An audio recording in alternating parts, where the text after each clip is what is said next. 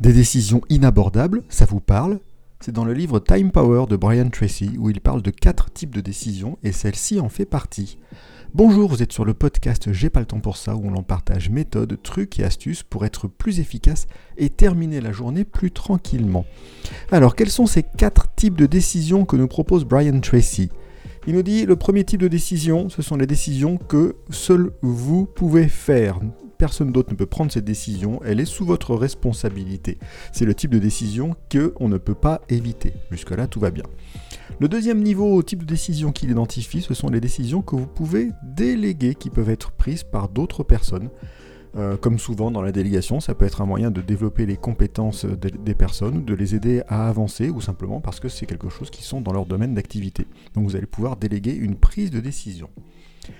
Le troisième type, c'est celui dont nous parlions tout à l'heure, c'est une décision dite inabordable, que vous ne pouvez pas vous permettre de faire, parce que les conséquences de cette décision sont euh, trop importantes si jamais ça ne fonctionne pas comme il faut.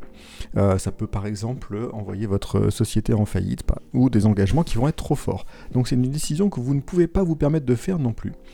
Et enfin, le dernier type de décision que nous propose Brian Tracy, ce sont les décisions qui sont inévitables. À l'inverse, ce sont les décisions que vous ne pouvez pas vous permettre de ne pas faire.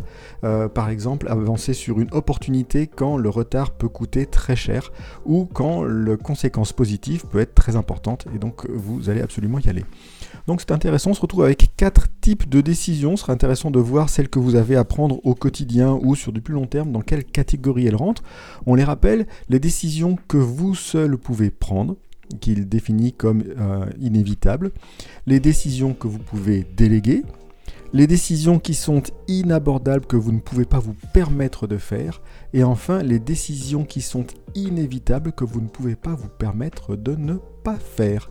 Voilà, c'est issu du livre Time Power de Brian Tracy, et on est sur le podcast J'ai pas le temps pour ça, une astuce, une méthode en moins de 3 minutes.